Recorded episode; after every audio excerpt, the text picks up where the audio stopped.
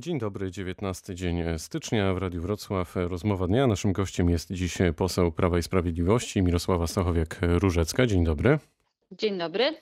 Wczoraj e, cała Polska e, miała e, problem z nabraniem do piersi pełnego wdechu. Szczególnie problematyczne było to w stolicy Dolnego Śląska, bowiem stolica Dolnego Śląska okazała się mm, być liderem tego najgorszego powietrza, najgorszej jakości powietrza na całym świecie.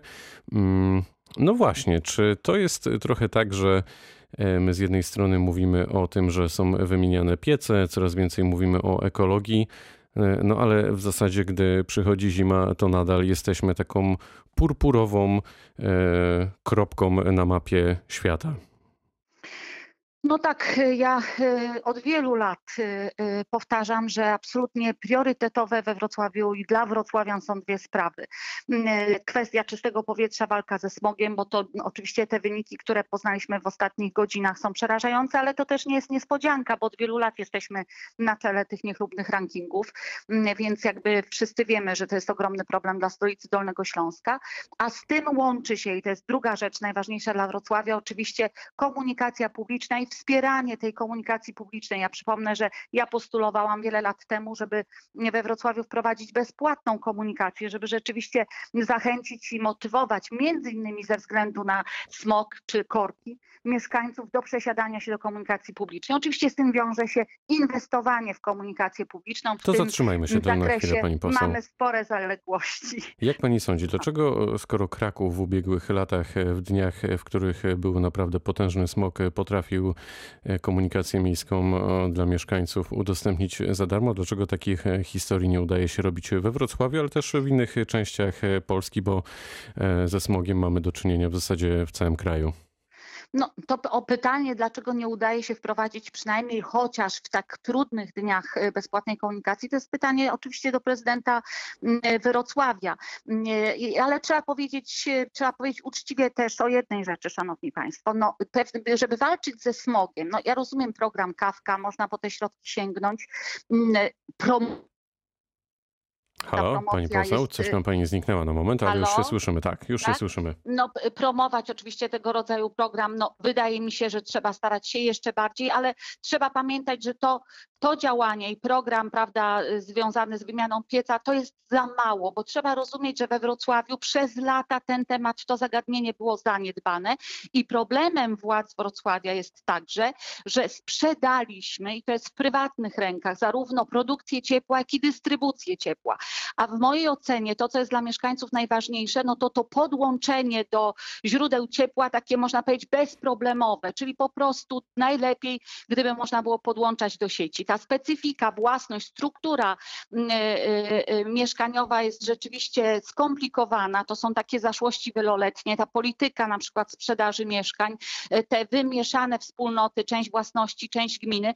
No ale z drugiej strony no to, co, to, to, co widzimy i to ten problem smogowy pokazuje, że absolutnie musimy podjąć bardziej takie działania, bym powiedziała, systemowe, to prawda. które odpowiada to też zatrzymajmy to na miasto. Chwilę, pani poseł. Dokładnie. No sama propozycja wymień piec to za mało. I jeszcze tylko jedno zdanie, z jakiego powodu. Raz, że fatyga, prawda, no bo ktoś musi się tym zająć od początku do końca sam, remontować mieszkanie, się zainteresować i tak dalej, ale z drugiej strony musimy pamiętać o jednej bardzo ważnej rzeczy we Wrocławiu, o kwestiach ekonomicznych.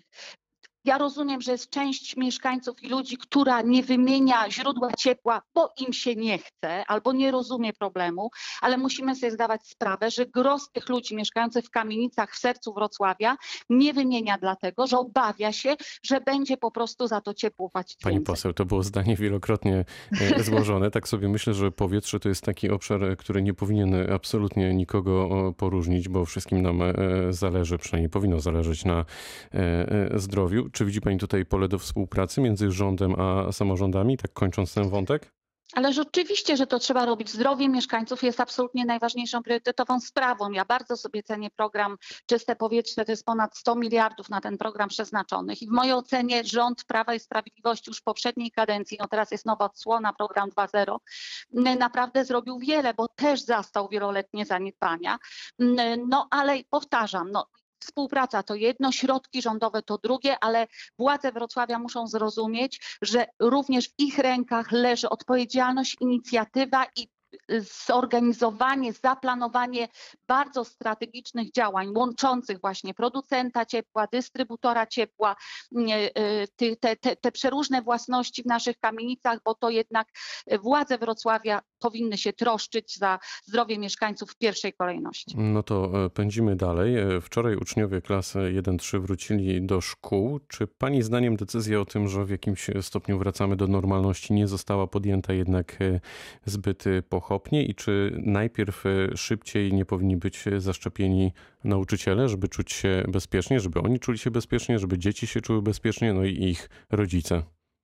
No, Szanowni Państwo, na, na, na miarę tych, y, y, te, tej sytuacji, w jakiej się znajdujemy, no, no jesteśmy do tego y, spotkania z dziećmi przygotowani. Nauczyciele przebadani, reżim sanitarny, spora elastyczność prawda, w realizowaniu tego zadania dla dyrekcji szkół, czyli to oni oceniają sytuację na miejscu, to oni po konsultacjach z sanepidem w razie czego mogą się z tego wycofać. Ale wszyscy wiemy jedno, no, wszystkim stronom absolutnie zależało na tym powrocie do szkół, bo przecież przecież nikt nie ma wątpliwości, jak ważna jest normalna nauka, kontakt z nauczycielem i z rówieśnikami, zwłaszcza tych najmłodszych dzieci. No proszę sobie wyobrazić, ktoś, kto mm, jest dzisiaj w drugiej klasie, no to właściwie w ubiegłym roku zaczął, prawda, edukację, poszedł do szkoły, potem już wylądował w domu na zdalnym i to trwa już wiele miesięcy, on ani nie poznał kolegów z klasy, ani tak naprawdę swojej pani wychowawczyni. Niezwykle dla tego rozwoju społecznego przede wszystkim ważny czas i okres w życiu. Także ja uważam, że warto się z tym mierzyć, ale oczywiście z taką uwagą. Jeżeli tylko gdziekolwiek, w jakiejkolwiek placówce będzie sygnał, że jednak istnieje ryzyko, że to bezpieczeństwo związane ze zdrowiem jest zagrożone, trzeba się po prostu z tego wycofywać.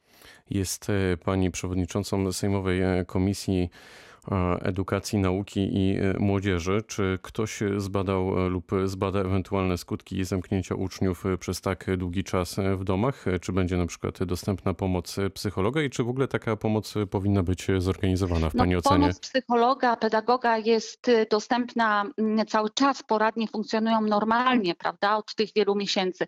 Natomiast oczywiście, no, Szanowni Państwo, mierzymy się z czymś niezwykle nowym i niezwykle trudnym i oczywiście takie propozycje, sygnały, żeby mm, ten też stan taki emocjonalny, psychiczny, społeczny u dzieci badać i monitorować, to takie sygnały ze strony posłów do ministerstwa płynęły i oczywiście wszyscy mamy świadomość, że warto, mm, warto coś takiego analizować i y, badać. Najbliżej najbliżej dziecka, nawet w tych warunkach zdalnych, jest oczywiście nauczyciel, wychowawca i to to on w pierwszej kolejności musi reagować i zauważać, czy coś dzieje się złego, czy coś jest nie tak. Ja spotkałam takiego nauczyciela w ostatnich dniach. Wielki ukłon i szacun, bo to dzięki właśnie takim ludziom przez ten trudny czas dzieci mogły przebrnąć, gdzie pani nauczycielka nauczania początkowego mówi: OK, ja wiem, mam ileś godzin, prawda, zdalne nauczanie to jest zorganizowane, ale już w pierwszym lockdownie zorientowałam się, że jest kilkoro dzieci w klasie, które jednak w tych trudnych warunkach, w tym wspólnym czasie poświęconym na lekcje, kompletnie kompletnie nie, nie, nie uczestniczą, no, że jest problem. Ona dotarła z pomocą dyrekcji do, do rodziców i zorganizowała i każdego dnia robi dla tych dzieci dodatkowe spotkania w takiej małej grupie, bo rozumie, że sytuacja jest wyjątkowa i trudna i trzeba elastycznie i z mądrością do tego podchodzić. To tacy nauczyciele dzisiaj są tym pierwszym takim kontaktem, żeby, żeby reagować, żeby pomagać i żeby komunikować i, i, i, i podpowiadać, co z tym trzeba robić. Czy rząd e, swoją drogą e, przeznaczy 80 milionów e, złotych na psychiatrię dziecięcą? Ten temat wróci pod obrady no? Szanowni Państwo, rząd Prawa i Sprawiedliwości konsekwentnie z roku na rok zwiększa budżet na ochronę zdrowia i w tym trudnym roku oczywiście też, też ten budżet o kilka procent wzrasta, w tym także jest psychiatria. Psychiatria dziecięca, w ogóle psychiatria to jest również niestety zagadnienie i sprawa zaniedbana przez lata. Jedno to pieniądze i oczywiście warto ten postulat, jeszcze jesteśmy w trakcie prac nad budżetem, wrócił e, budżet z e, Senatu. Warto się nad tym jeszcze na spokojnie zastanowić i przyjrzeć tej propozycji. Oczywiście, że tak, ale naiwnością byłoby myślenie, że zwiększenie budżetu załatwia sprawę. To jest kwestia przygotowania kadr, przygotowania miejsc, przygotowania sieci, a to też już od y, wielu miesięcy, rozumiejąc, że to jest ważna sprawa, również rząd Prawa i Sprawiedliwości realizuje. Coraz więcej przedsiębiorców deklaruje, że mimo zakazu otworzy swoje biznesy. Część przedsiębiorców już to zrobiła, mimo szumnych zapowiedzi, e, między innymi przedsiębiorców z Dolnego Śląska, jak wczoraj sprawdził nasz reporter Piotr Słowiński. No, e, postanowili chyba jeszcze chwilę poczekać. Być może apele różnych specjalistów dotarły efektywnie do ich głów e, i jednak e, e, te biznesy nadal e, są w takim stanie, w jakim jeszcze mm, w ostatnich tygodniach e, były, ale jednocześnie e, czy pani, e, pani poseł widzi jakiś złoty środek e, w tej sprawie? No bo e, na przykład 1 lutego branża fitness zapowiedziała całkowite otwarcie. Czy jest e, szansa, że rząd e, z przedstawicielami tej branży, ale nie tylko tej, e, dojdzie do porozumienia, bo jak za chwilę tak e, wszyscy zaczną zapowiadać, że się otworzą, to mam wrażenie, że dojdzie do jakiejś e, anarchii. Po prostu będą się tylko przerzucać w sądzie dokumentami. To nie chodzi o anarchię, tylko chodzi o to, że po prostu będziemy mieć trzecią falę koronawirusa i, No i będzie z tym ogromny problem, prawda? Także ja bardzo dziękuję mm, za Państwa pośrednictwem tym przedsiębiorcom, którzy po prostu zachowali się y, odpowiedzialnie. No szanowni Państwo, 170 miliardów na tarczę, w tym ostatnia tarcza branżowa 35 miliardów, ale krótko, y, y, bo, bo trzeba powiedzieć to, co najważniejsze. Oczywiście jest, są kody PKD, 45 branż zaliczonych, mm, no, no, robimy wszystko, co można, żeby rzeczywiście tym różnym przedsiębiorstwom, którzy na, najbardziej, y, najbardziej ucierpieli w pandemii, pomagać, ale podkreślam, cały czas trwają rozmowy i jest zrozumienie po stronie rządu. Ja oczekuję, że oprócz zrozumienia też będą szybkie działania, że mamy do czynienia i musimy podchodzić też do pewnych spraw y, po prostu indywidualnie, że trzeba cały czas zakładać, no bo te sygnały i protesty to przecież nie jest złośliwość tych przedsiębiorców, tylko najwyraźniej po prostu mają problem i walczą o przetrwanie, a to oznacza, że trzeba to przeanalizować. Jeśli są jakiekolwiek, mówiąc kolokwialnie, dziury w tej pomocy i w tarczach, to trzeba jak najszybciej dokonać korekty i ta pomoc musi y, płynąć do wszystkich. Więc rozmowy i bardzo szybka reakcja, no cóż, szanowni państwo, wybór jest szatański, no tak trzeba powiedzieć, tak, mm, tak, tak, tak, takie określenie usłyszałam od jednej z osób komentujących te ostatnie wydarzenia, uważam, że jest bardzo trafny. Szatański dlatego, że wybieramy między właśnie kończyć. tym przetrwaniem, prawda, działalności gospodarczej życiem, ale też życiem dosłownie, prawda, czyli jak będzie trzecia fala, fala pandemii, no będziemy walczyć o życie Polaków, o to, żeby po prostu nie umierali. Dramatyczna sytuacja, więc krótko rozmawiać, reagować, uzupełniać dziury w tarczy i robić to możliwie jak najszybciej. No to niech puentą e, będzie hasło, że warto rozmawiać, e, no bo warto. Poseł Prawa i Sprawiedliwości Mirosława Stachowiak-Różecka była gościem rozmowy dnia. Bardzo dziękuję za spotkanie. Dziękuję, do usłyszenia. Pytał Dariusz Wieczorkowski. Dobrego dnia.